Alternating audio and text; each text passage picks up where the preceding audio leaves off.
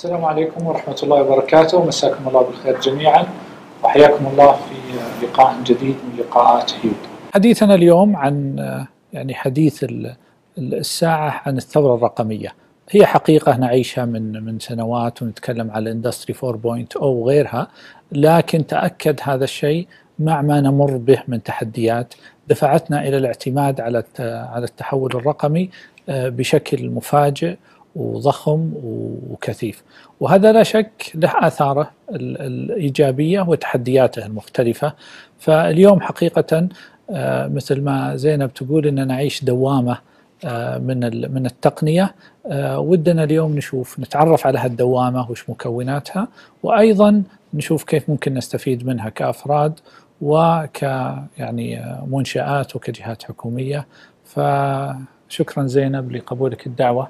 وتفضل الله يبارك الله يعطيكم العافية وشاكرة ومقدرة لكم استضافتي وشكرا لهيود وشكرا لك مهندس سامي. آه، يعني يسعدني ويشرفني إني أكون معاكم وأتكلم عن موضوع آه، يمكن جدا مهم آه، يهم المنشآت الصغيرة والمتوسطة بشكل أساسي. وجزء من التحول الرقمي والثورة اللي قاعدين نعيشها اليوم. فلما نجي نتكلم عن الثورة الرقمية أو ال digital disruption راح نتكلم على أكثر من محور. أول شيء راح نتكلم عن ما هي الثورة الرقمية وتعريفها وإيش فرق الثورة الرقمية أو digital disruption عن التحول الرقمي. في شيء نمر فيه اللي هي الدوامة الرقمية وكيف طريقة تأثيرها على القطاعات المختلفة. وكيف ممكن القطاعات الأعمال المختلفة هذه من المهم أنهم يخلقوا قيمة في هذه الدوامة الرقمية. بناء على القيمة اللي يخلقوها برضو لابد أن يتم تحديد استراتيجيات للاستجابة لهذا ال digital disruption اللي حتميا راح يمروا فيه.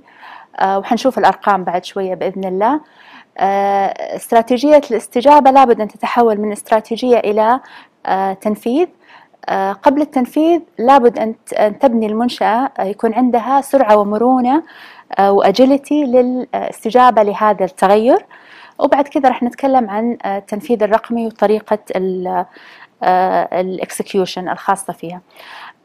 طبعا المحتوى حق المحاضرة هذه مبني على دراسة قامت فيها IMD العالمية مع مجموعة كبيرة من المنشآت تقريبا حوالي ثلاثة آلاف businesses و leaders وأكثر من مئة digital disruptors وعملوا مقابلات كثيرة مع startups ومع حوالي أكثر من ألف أكثر من ألف leading companies حتى يتعرفوا على طريقة التعامل مع هذا التغيير وال disruption تقريبا 31 من الشركات اللي استجابت لل survey كانوا يقولوا إنه لابد من إنهم يستجيبوا بشكل أو بآخر للتغير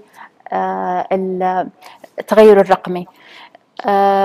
أربعة من عشرة منشآت قائمة سيتم يعني إزالتها خلال ثلاثة سنوات.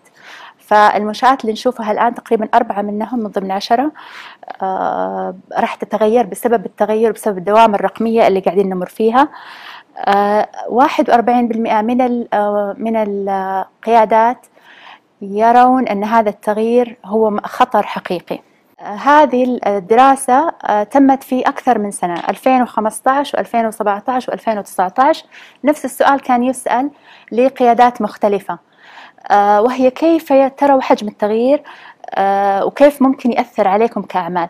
فالنسب قاعدة تتغير في كل سنة. 2015 27% منهم فقط كانوا يقولوا أنه هذا التغيير راح يكون يؤثر عليهم بشكل قوي.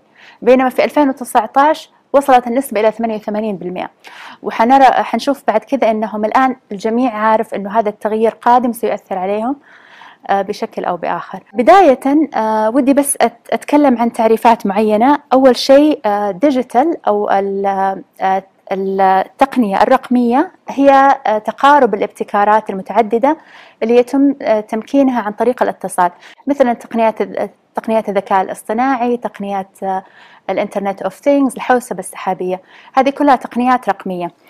التحول الرقمي للأعمال اللي هو التغير المؤسسي عبر التقنيات الرقمية ونماذج العمل ينتج عنه تحسين في الأداء لكن ما يكون في تغيير كبير في آه، في قيمة ال ال في في قيمة المنشأة نفسها ومركزها ومكانها في السوق.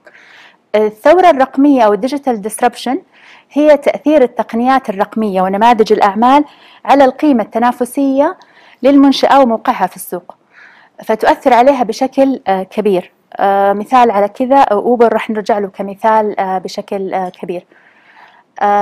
حجم التغيير اللي قاعد يصير يتأثر بعاملين. اللي المنشآت سرعة تغيرها بعامل الوقت وبعامل السرعة والتغيير نفسه. فالمنشآت والمؤسسات وقطاع الأعمال يتغير بشكل بطيء غير متسا... غير متناسب مع سرعة سرعة تغير التقنية. التقنيات قاعدة تتصاعد بشكل تسارعي والمنشآت استجابتها لها شك أقل. هذا يخلق فجوة. الفجوة هذه هي اللي داخلها يكون هناك digital opportunities أو threats بحسب ما المنشأة تنظر لها.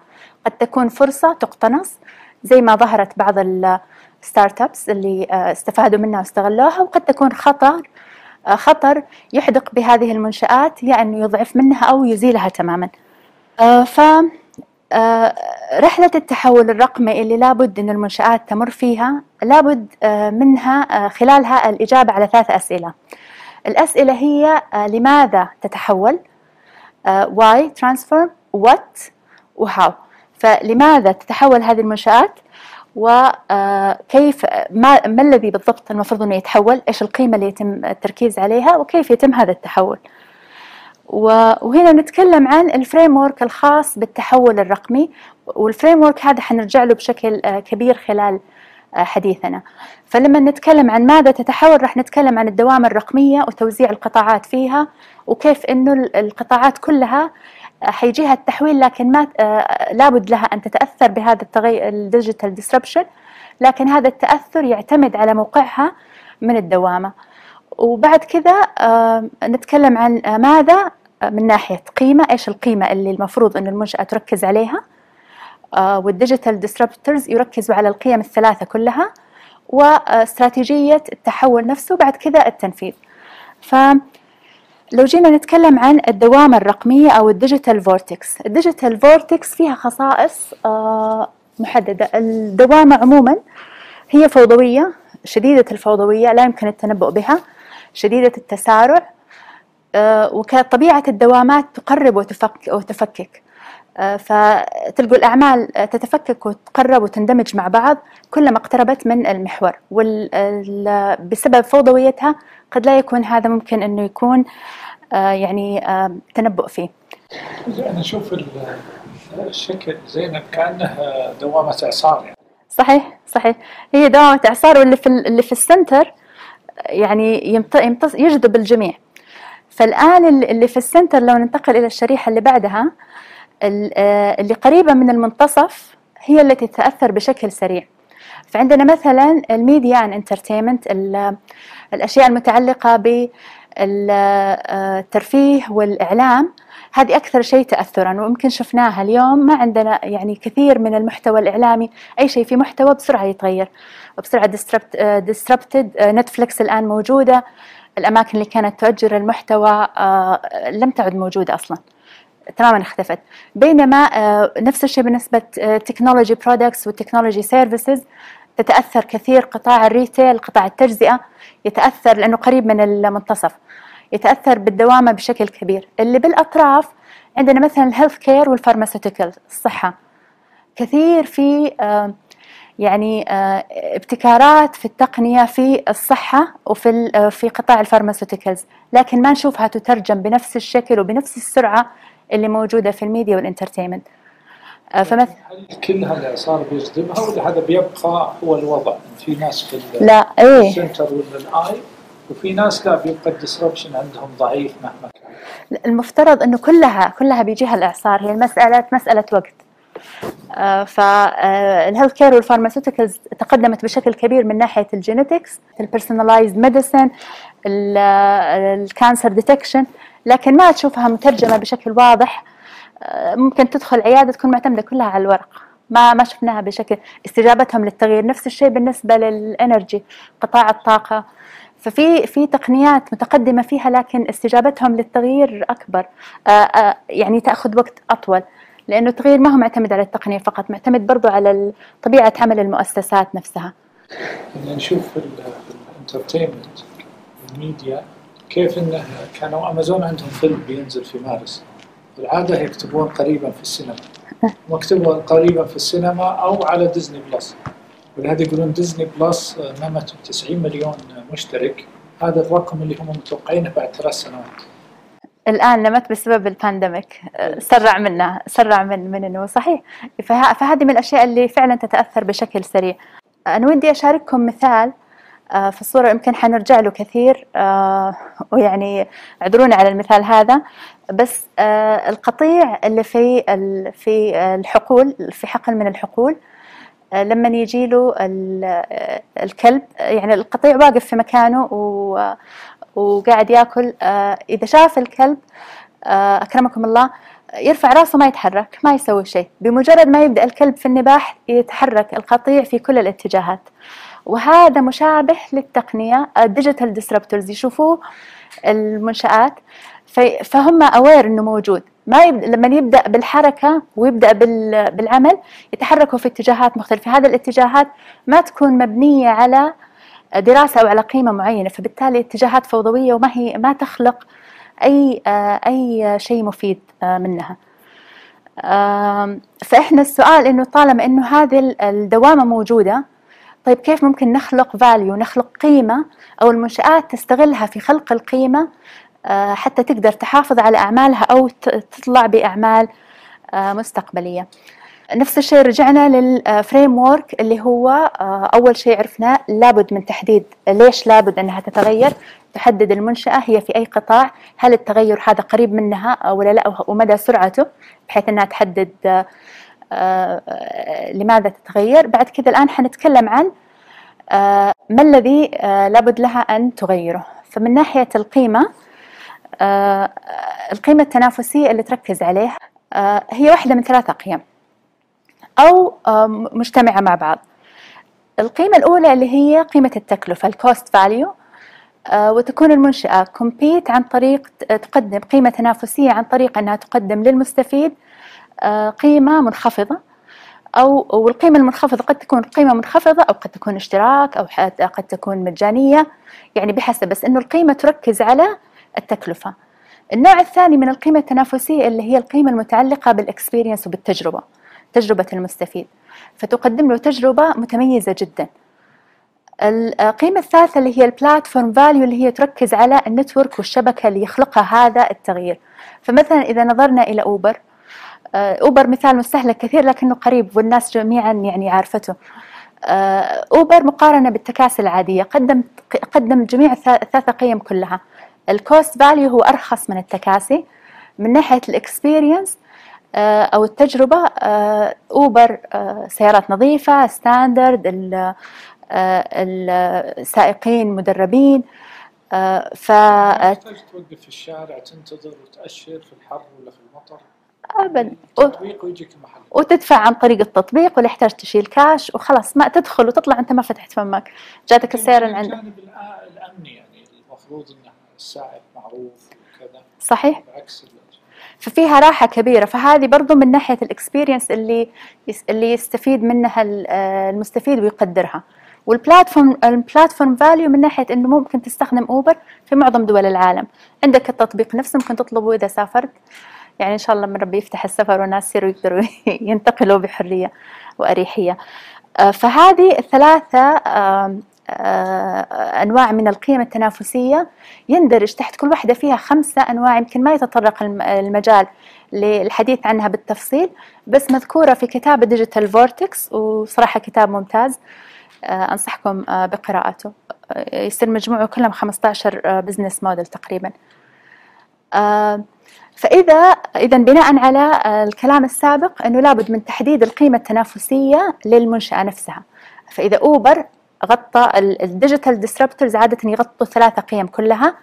فبالتالي المنشآت تحتاج أنها تحدد إيش القيمة اللي هي لازم تركز عليها أو ال combination حقها. طب بعد كذا لابد أن تستجيب لل digital disruptor هذا بشكل أو بآخر. فالإحصائية اللي هنا كانت تتكلم إنه آه، الإحصائية هذه ال responses to digital opportunities and threat كيف يرو كيف يروها المنشآت المختلفة. آه، واحد aware not not aware of it. طبعا ما في أحد يقول إنه ما يعرفها. الجميع عندهم علم إنه في digital disruption وإنه آتي لا محالة. النوع الثاني اللي هم عارفين إنه موجود بس ما يحسوا إنه مرة مهم وهذا مرة قليل. العدد الكبير رقم ثلاثة اللي هم عارفين إنه موجود بس ما قاعدين يستجيبوا بشكل مناسب. وهذا لمثل القطيع الصورة اللي اللي في البداية. قاعدين يتحركوا يتبنوا تقنية مختلفة ما هي مبنية على أي قيمة آه، مضافة. فتلقى المنشآت تحاول أنها تشتري تقنيات مختلفة وهي ما هي عارفة إيش القيمة اللي هي راح تضيفها وعلى أي أساس تبنيها. النوع الرابع اللي هم عارفين إن بأهمية الديجيتال عارفين إنه موجود وعارفين أهميته بس قاعدين يتبعوا المنشآت الثانية. وهذا ما حيكون مفيد لأنهم قاعدين يتبعوا آه، ما هو شيء يناسب منشآتهم بتحديدا. النوع الخامس وهذا هو الشيء اللي المفروض أن المنشآت تتبعه اللي هم actively responding وقاعدين يحاولوا يقتنصوا الفرص أو يقللوا من المخاطر اللي هي خاصة فيهم. المنشآت هنا تشمل حكومية أو خاصة صغيرة أو كبيرة؟ هنا نتكلم عن الأعمال ال businesses. في الحديث كله قاعدين نتكلم عن ال businesses. الدراسة كلها كانت قائمة على ال businesses. فالآن خلينا نتكلم عن استراتيجية الاستجابة. استراتيجية الاستجابة تندرج تحت قسمين. يا إما أنها offensive أو defensive يا أنها استراتيجية دفاعية أو هجومية. الدفاعية تكون عادة للأعمال القائمة. فتكون متعلقة بالعمل القائم والهجومية تكون متعلقة بتوسيع الأعمال وزيادة قاعدة العملاء وجلب مكاسب جديدة. آه، فالدفاعية اللي هي خلق المكاسب أو هارفست آه، هذه حنتكلم عنها أكثر يا أنها حتكون خلق مكاسب أو أنها ريتريت تراجع آه، أو أو انسحاب أو تكون disrupt اللي هو من هي هجومية يكون فيها خلق ثورة. بعد ما تخلق الثروة تحافظ عليها الثورة تحافظ عليها بالاحتلال أو بأوكيباي. فخلينا ناخذ مثال اللي هو آه، أوبر مرة ثانية. آه، خلق المكاسب آه، حالة أوبر مع التكاسي. harvest أو أنهم يخلقوا مكاسب يا أنهم they block disruptors وشفناها في كل مكان في العالم. معظم الأماكن التكاسي يعني اللي فيهم روابط عندهم جمعيات كانوا يقولوا إنه عمله غير شرعي منعوهم من من العمل في المطار وكذا. وهذا يقلل يبطئ من ال disruptor بس ما يوقفه يعني هذا وهذا بيسووه ال businesses كثير. الشيء الثاني إنهم يبدأوا يحسنوا من عملياتهم فيبدأوا يدربوا آه، موظفينهم يحسنوا من جودة السيارات يعملوا لها standardization وكذا. فهذه كلها تقع من ال harvest أو خلق المكاسب. التراجع أو ال retreat إنهم إنهم يختاروا آه، آه، niche معين ويركزوا عليه أو إنهم ينسحبوا تماما من ال business فيا انهم مثلا يركزوا على ال business اللي جاي من المطارات آه، أو طبقة معينة. يصيروا موجودين فيها أو أنهم ينسحبوا في الوقت المناسب للانسحاب. الاستراتيجية الثالثة اللي هي تدسربت وخلق ثورة في حال إنهم يقدروا. طبعا مو أي أحد يقدر يعمل ديسربت في في آه، مثال التكاسي يعني لو لو صنعوا لهم تطبيق خاص بهم بحيث إنه يخلق اضطراب ويخلق ديسربشن آه، ويوصلهم إلى أسواق جديدة. وعادة ال disruption يكون آه، بعد vacancy يكون في احتياج في السوق وفراغ. الاستراتيجية الرابعة اللي هي ال occupy أو احتلال المكان بالمحافظة على المكاسب المحصودة من ال disruption اللي صار قبل كذا. وفي learning يقعد يصير. التعليم اللي قاعد يصير من من وجود ال disruption يخليهم يحسنوا أعمالهم. بس هذه قد لا تكون كافية. ف آه ال concept اللي آه أو في مفهوم آه ودي إني أتكلم عنه اللي هو ال value vampire ال value vampire يعني أنا عجزت أترجم ولكن هو مصاصي دم القيمة أو مصاصي الدم. وهم ليش اسمهم مصاصي الدم؟ لأنهم يعني آه، ما يبقوا أي شيء في مجال المنافسة لأي أحد ثاني. فهم يجوا يستحوذوا على كل شيء و drains the life out of everyone else. مثال عليها واتساب. واتساب من ناحية ال text messaging مع مع شركات ال telecom مجانية وموجودة ومتناول الجميع. الآن ما في شركات ال telecom ما تستفيد من ال text messages ما حد يستخدمه العالم تستخدم واتساب. وبعدين انتقلت إلى المكالمات. والشركات حاولت إنها تعمل لها harvest و block it بس الآن رجعوا مرة ثانية دخلوا. فهي قادمة لا محالة it's بس إنهم آه، فهذا هذا مثال على ال value vampire آه، وكيف إنه ممكن يتم التعامل معه. في شيء ثاني اللي هي ال value vacancy ال value vacancy اللي هو يكون في السوق في قيمة شاغرة. ما في أحد استغلها. احتياج لم يتم تغطيته بأي أحد من من ال businesses اللي موجودة اليوم. مثال على startup أو أو disruptor استفاد من ال value vacancy اللي هو ال WeChat في الصين يعني ال WeChat صارت platform فيها كل شيء.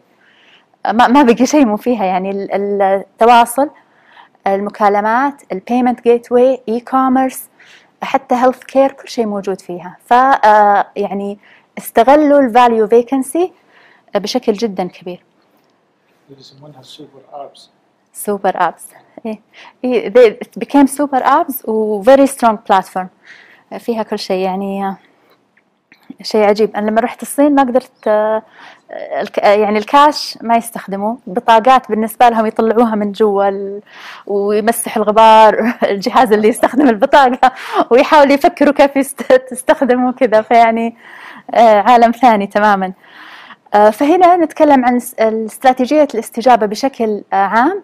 هي تندرج تحت هذه الأربع أقسام اللي هي يا أنها هجومية أو دفاعية. أي وحده من هذه ال icons فيها أكثر line of codes عندنا فيسبوك سيارة فورد و ال truck حقت استكشاف في المريخ. كتاب الحرب والسلام هذا كتاب كبير إذا اعتبرنا كل سطر فيه عبارة عن line of code جهاز ال pacemaker اللي يستخدموه الأطباء لتنظيم ضربات القلب. نظام ال operating system حق ال Android ولا طيارة بوينغ أي واحدة فيهم أكثر فيها أكثر line of codes يعني أنا يمكن أقول ال Mars rover. ال Mars rover طيب. محمد. الفيسبوك. okay. كلها كلها يعني آه، تخمينات جيدة لكن أكثر واحدة فيها line of code عبارة عن آه، سيارة فورد.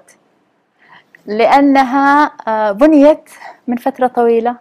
والتقنيات المستخدمة فيها وبنيت على أساس أنها أوتوماتيك آه، يعني mechanical engineering ما كان فيها أي تقنيات رقمية. فبالتالي هذه هذه الشركة عشان تتغير سرعتها الاستجابة للتغيير حتكون بطيئة جدا. آه، فهي تحتاج إنها تقرر هل حتغير ال business حقها. الآن في في self-driving cars وكل التقنيات اللي جاية مع السيارات. فالتغير فيها بيكون جدا أسرع. وهذا ينقلنا إلى المحور الثاني اللي هي سرعة الأعمال الرقمية في الاستجابة أو ال digital business agility فكيف الأعمال تقدر تبني تضمن إنه عندهم digital business agility لابد من التركيز على ثلاثة محاور. الثلاثة محاور آه، أو ثلاثة capabilities أول شيء اللي هي ال hyper awareness وأن يكون هناك وعي مفرط بكل التغييرات اللي قاعدة تحدث في السوق. بحيث أنه أي change في ال environment يعني يكون ال business عارفة آه، كيف ممكن تأثر عليه. وكان في مثال من حضرت ال course حق ال IMD كان يقول كل سنة كانوا يجون التنفيذيين اللي يشتغلوا في الشركات حقت ال recruitment وتوظيف القيادات. كانوا يسألوهم سؤال يقول لهم ما تعتقدوا إنه LinkedIn بيأثر عليكم؟ كانوا يقولوا لا. إحنا أعمالنا توظيف والتوظيف يحتاج ناس ولازم يكون في تواصل بشري. LinkedIn منصة مستحيل تأثر علينا. فيقول مايكل ويد الكاتب الكتاب والمسؤول عن ال IMD يقول بطلنا نشوفهم. بطلوا يجونا فمعناها يا إنهم cannot afford it أو إنه ال business حقتهم توقفت. تماما. فمهم إنه يكون في وعي باللي موجود في السوق ووعي بتأثيره. وعن الوعي هذا ينتج decision uh, informed decision making uh, يعني صنع قرار مستنير. مبني على الوعي اللي كان في اللي موجود uh, بالبيئة المحيطة. uh, الوعي المفرط uh, لا باقي النقطة الثالثة اللي هي يكون عندك وعي مفرط وصناعة قرار مستنير. لابد أن يكون عندك تنفيذ سريع أو fast execution. وال fast execution أصعب شيء. فال digital execution الآن نتكلم عن ال how. كيف يتم التنفيذ؟ كيف ممكن تستجيب؟ فإحنا رجعنا لل framework يمكن هذه ثالث مرة نستعرض نفس نفس نموذج العمل. تكلمنا عن لماذا آه، ممكن تتغير وما ما الذي سيتغير واستراتيجية الاستجابة كيف ممكن نكون واعين بالتغيير. الأخيرة اللي هو كيف يكون التغيير أو تنفيذ التغيير. فتنفيذ التغيير يعتمد على ما يسموها بالأوركسترا الرقمية. الأوركسترا الرقمية هي عبارة عن ال operating model حق المنشأة كاملة. وطبعا هذا شيء معقد بس هي في النهاية تبنى على الاستراتيجية اللي تكلمنا عنها سواء كانت هجومية أو دفاعية أو مجموعة بينهم وعلى القيم ال value drivers اللي راح تعتمدها المنشأة وعلى أربع محاور ثانية اللي هي آه الأولى استراتيجية الذهاب للسوق. آه، بالضبط إيش العروض وإيش المنتجات اللي سيتم توفيرها وإيش القنوات اللي بتكون متوفرة فيها. هل هي حتكون قنوات offline آه، حتكون بالجملة حتكون مفرقة. كل هذه الأشياء تكون تخدم ال value وال أو الاستراتيجي اللي انحطت آه، بعدين ال engagement ال engagement مع العملاء ومع الشركاء ومع القوى العاملة كلها كيف تكون؟ كل التفاصيل هذه اللي فيها برضو يتم آه، تفصيلها في نموذج العمل. طريقة العمليات والإجراءات والقدرات التقنية لابد أن تخدم آه، هذه الاستراتيجية والقيم. وأخيرا اللي هي المؤسسة أو الهيكل التنظيمي والحوافز. عادة المنشآت تشتغل على كل شيء وتنسى الحوافز إنه الحوافز هي اللي ت... الحوافز مو شرط مادية بس الحوافز اللي تحفز الموظفين وتحفز الأداء بشكل كامل على أنه يتجه لنفس النتائج المطلوبة وبعد كذا ثقافة المنشأة نفسها. فهذه الأربع محاور آه، تمثل نموذج العمل بشكل متكامل. الآن يمكن وصلنا إلى إلى آخر حديثنا. تكلمنا عن لماذا آه، المنشآت لابد أن تنتبه لل digital disruption وكيف لا لابد تكون عارفة هي ليش لازم تتغير وكيف ما الذي سيتغير بالضبط تحديد إيش القيمة وبعدين كيف ممكن يكون التغيير؟ آه فهذا هو بمختصر. آه يعني دورة ست أسابيع حاولت أني أختزلها في وقت بسيط وبالتوفيق بالتعامل مع الثورة الرقمية. الله يبارك فيك. شكرا جزيلا. طيب أنا شفت أنها الإحصاءات إلى 2019 م. وصلت تقريبا 88 آه الآن 2020 هل بقي أحد يؤمن بأنها إنها الآن 2020 الجميع اوير يمكن في سلايد عرضناها كان الجم... ما في أحد صح كان في إيه، صفر ما كان في صفر. ما في أحد ما هو ما هو واعي. لكن المسألة كيف استجابتهم؟ جميل. الاستجابة ما زال ما زال في ناس يستجيبوا بشكل عشوائي. في ناس يتبعوا أشياء. وهذا هي الشيء اللي الواحد يحتاج أنه ينتبه له طريقة الاستجابة. طيب. هل عادة في فرق في الاستجابة على حسب حجم المنشأة؟ اي وهذا اللي يفرق أكيد إنه في فرق على حسب حجم المنشأة وهذا اللي يفرق قطاعات معينة عن قطاعات. مثلا القطاعات اللي في ال oil and gas تكون جدا كبيرة وال organization حقتهم كبيرة وبيروقراطية جدا. فاستجابتها للتغيير تكون أبطأ من القطاعات اللي موجودة مثلا في الميديا وعشان كذا هي على طرف الدوامة ما هي في منتصف الدوامة. آه، في أشياء ثانية آه، القيادة نفسها يعني ال digital disruption يتطلب أنه يكون القائد برضو عنده آه، أربعة cap أربعة capabilities متوافقة مع ال digital disruption اللي هي مختصرة بكلمة HAVE لازم يكون humble متواضع بحيث إنه يعرف إنه هو ما عارف كل شيء. الدنيا قاعدة تتغير حوالينه ويكون يستعد إنه يسمع. للثانيين فيكون humble يكون adaptable آه قادر على التغيير ومرن جدا. آه في فيجنري عنده الرؤية آه ثاقبة آه وإي engaging. يعني يشرك كثير الموظفين والعملاء في اتخاذ القرار. طيب أنا دائما عندي اهتمام في قضية آه، هذا أثره على لما نتكلم على منشآت إيه. هل هي شرط تكون ربحية أو غير ربحية؟ أو هذا ال- الإعصار ولا الدوامة آه، ما في أحد يستطيع أنه أصلا يتجنبها. إيه. هي هي الآن المنشآت اللي فيها أعمال سواء كانت ربحية أو غير ربحية. جميل. كلها تتأثر لأنه التأثير وال- والتوقعات من المستفيدين تنطبق على الجميع. يعني المستفيد نفسه تتغير توقعاته. جميل. أول كان الشخص عشان يطلب أكل يعرف إنه لازم يروح للمطعم و pick up service ولا يكلمهم يوصلوا له. الآن تطبيقه ما يبغى حتى يتكلم يعني كل شيء يجيله لحد بيته. فالتوقعات المستفيد كمان صارت تجربة العملاء جدا مهمة. فهذه تنطبق على على جميع القطاعات يعني. جميل. أنا ودي نرجع كان في الشريحة حقت القطاعات المختلفة أي فحنا يمكن زينب آه، تكلمنا على قضية ال- ال media and entertainment زين إيه. يمكن نحاول نمشي على بعضها لأن غالبا الناس قد تكون ب- ب- بمثال فتكلمنا على ال media and entertainment. زين تكلمنا على ال tech products and services services. أشياء اللي زي إيش؟ tech products and services الأشياء اللي هي آه، آه، مثلا ال licenses حقت الجوال آه، حقت التطبيقات الآن كلها الت- التحديثات كلها. automatically تجي ال retail آه، قطاع. التجزئة التجاره الالكترونيه يعني اللي أه. حصل فيها نمو ضخم جدا عام 2020 صحيح وال pandemic اللي صار يعني هذه كلها أثرت كثير في في تسريع آه، تبني التقنية و- والتسريع من الدوامة نفسها.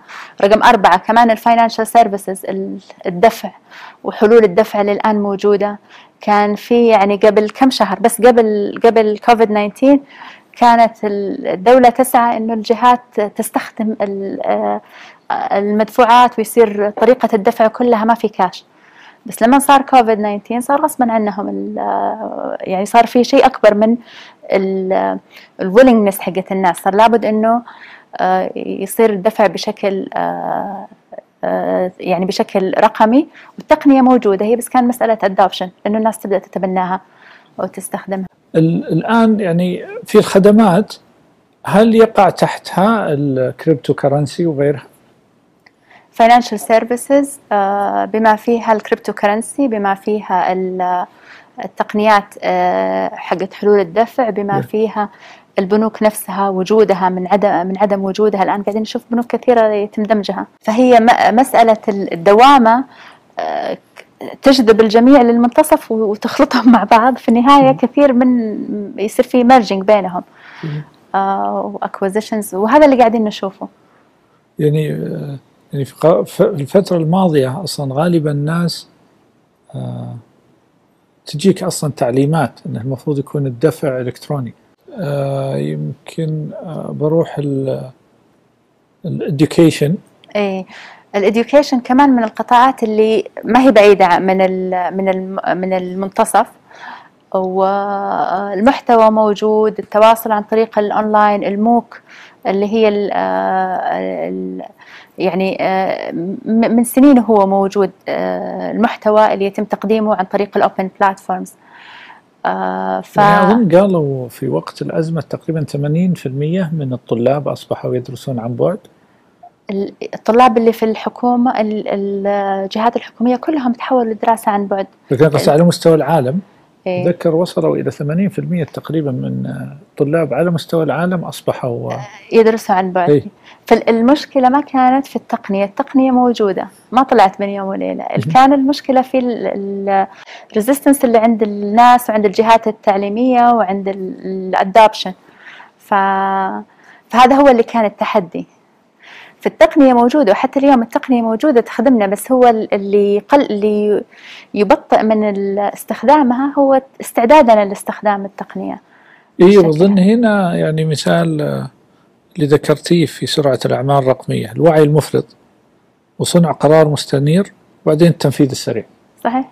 فالتقنيات موجودة آه، بس يمكن ترددنا في التنفيذ ال- السريع لها.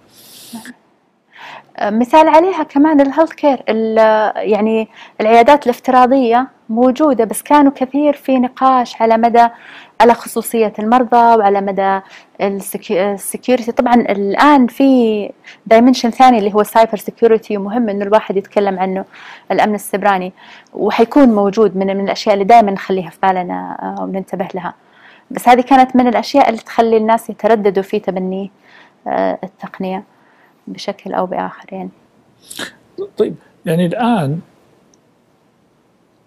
يمكن معتاد جدا في قضية الميديا وال وال entertainment قضية إنه أنت تشاهد قنوات من أنحاء العالم. والأشياء انتقلت يعني حتى نتفليكس وأو إس إن كل يشترك فيها بصرف النظر عن عن مكانه الجغرافي. ويمكن بدينا آه، من فترة قضية أن نطلب من أمازون وعلي بابا فحتى هذه أصبحت يعني آه، التجارة العابرة للحدود موجودة لكن الآن هل سيحدث هذا في التعليم في الصحة؟ من ناحية الصحة كان في event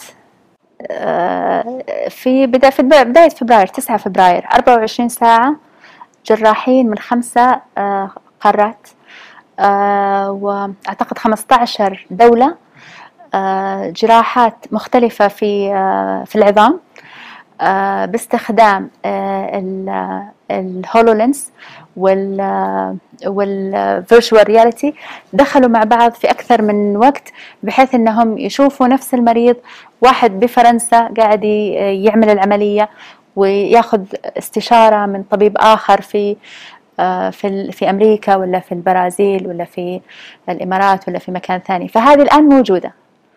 يعني موجودة as we speak. ما هي ما هي بعيدة عننا. آه، صارت توها. فهي بس مسألة ما انتشرت. ما في ادابشن هو الآن هم التقنيات يستخدمونها عن بعد. بس هل ممكن يجي مرحلة آه، أنا بدل ما إني أروح للحبيب هنا. إني أفتح تطبيق واصلا يكون ملفي الطبي في عيادة في واشنطن ولا في لندن ولا في مكان آخر. يعتمد إذا كانت هي جلسة استشارة ولا فيها تدخل جراحي. يعني إذا كانت جلسة استشارة ومرئية برضه موجودة الآن. فال consultation الخاصة بال بالطب النفسي وبال والاستشارات الصح النفسية هذه كلها موجودة الآن. تأخذ جلسات مع ناس بأمريكا من غير ما يكون أو دول ثانية من غير ما يكون في أي intervention ولا وصفات طبية أو كذا. المرحلة اللي بعدها أن يكون في تدخل سواء كان وصفات طبية أو بتدخل جراحي أو أو غيره. فهل ممكن أن تكون عن طريق الروبوتات برضو تدخل اللي هي العمليات الجراحية اللي عن طريق المناظير بحيث أنه أكثر من جراح يكون موجود في أكثر من مكان. وهذه وهذه مثالها اللي توها صارت في فبراير. يعني هذه طيب هذه بالنسبة للقطاعات. آه في في شريحة آه أخرى كانت شدتني اللي ذكرت الأشياء اللي ممكن واحد يضيفها. ال cost value أيوة. فهو إما أنه يكون في توفير التكلفة صح؟ صحيح. أو في التجربة. التجربة اللي يمر فيها أو ال platform value صحيح. إيه فهذه القيمة التنافسية اللي يركز عليه تركز عليه يركز عليها الأعمال أو ال business نفسها. لابد أنه يكون عارف إيش القيمة اللي هو راح يخلقها. فمثلا إذا قلنا مثال أوبر ال disruptors ما يركزوا على قيمة ولا قيمتين ياخذوا كل القيم. to uh, disrupt. عشان يكون في actual disruption ثلاثة قيم لازم تكون included uh, هل امازون مثلا نفس الشيء؟ امازون ال cost value بالاشتراك. okay ال experience value من بيتك قاعد تتفرج وبعدين جميل. فيها recommendation بناء على تجربتك واختياراتك السابقة وكذا. ال platform value برضه نفس الشيء في أكثر من خدمة موجودة على نفس ال platform وتحصل عليها من أي من أي مكان يعني. ففي امازون آه، غطتهم كلهم. وش المقصود بال data orchestrator في ال platform value ال platform value data orchestrator امازون مثال عليها. بناء على استخدامك السابق وتجميع البيانات اللي مريت فيها والأشياء اللي تفرجت فيها واللي ما عجبتك واللي كذا يبدأوا يعطوا لك recommendation نفس الشيء في نتفلكس بناء على تجربتك يعطوك recommendation آه، يعني بناء على فيس فيستفيدوا من البيانات. آه، أنا ودي نروح الشريحة الأخيرة اللي ت summarize everything. فهذه الآن قابلة للتطبيق أي منشأة والمفروض إنها تطبقها. صحيح. ال disruption إني أطبق كل التفاصيل اللي اللي فيها بالفوائد اللي فيها. إيه وال disruption إنه إنه يكون في actually مساحة مستغلة يكون في value vacancy يعني ما تقدر تقدم القيم هذه كلها إذا ما في value vacancy ما في احتياج وما في أحد يغطي هذا الاحتياج. فهذا هذا هو مهم. عشان كذا اختيار القيمة لابد يكون مبني على احتياج السوق والقدرات اللي موجودة بالمنشأة نفسها. فأنا الشيء اللي اقترحه أن المنشآت وممكن هذه تكون واحدة من ال slides ات اللي أرسلها لكم لاحقا تحطوها. تعمل تقييم لنفسها بناء على ال value ال cost value على على القيم الثلاثة كلها. وكيف آه، برضو استراتيجية الاستجابة. تحدد نفسها هل هي عندها قيمة قيمة آه، قيمة تكلفة ولا قيمة تجربة ولا قيمة platform وهل تبغى تستثمر فيها؟ ولا إذا كانت حتستثمر فيها إيش الأشياء اللي لازم تحسنها؟ خلال الثلاث آه، سنوات الأولى خلال الخمس سنوات الأولى وهكذا بحيث أنه تضع لها استراتيجية. وفي حال إنه في disruptor إيش بالضبط الاستراتيجية؟ إيش المخاطر اللي تتوقعها؟ كيف ممكن تستجب لها؟ جميل. ف... طيب شكرا جزيلا. حياتي أنا استمتعت أول شيء بال slides لما أرسلتيها الله يعطيك العافية. واليوم يعني استمتعت آه، أكثر. وهذا يبدو لي هو ملخص البرنامج وأيضا ملخص الكتاب. صحيح. الكتاب فقط إلى قبل ال execution. البرنامج غطى الكتاب وال execution ال part اللي الجزء اللي تحت اللي هو التنفيذ. فالكتاب قراءته جدا ممتع الكورس جدا ممتع. يعني ما أبغى أسوي دعاية ال IMD بس صراحة أنا استمتعت بالكورس جدا. آه والمحتوى إن شاء الله إنه يكون مفيد يعني آه. جدا والله آه، ام إبراهيم. فشكرا جزيلا حقيقة لوقتك وشكرا لحضورك وشكرا للناس اللي تابعونا سواء على يوتيوب ولا على زوم ولا على Club آه، house ونلتقيكم إن شاء الله في آه، لقاءات قادمة لهيوت Talks.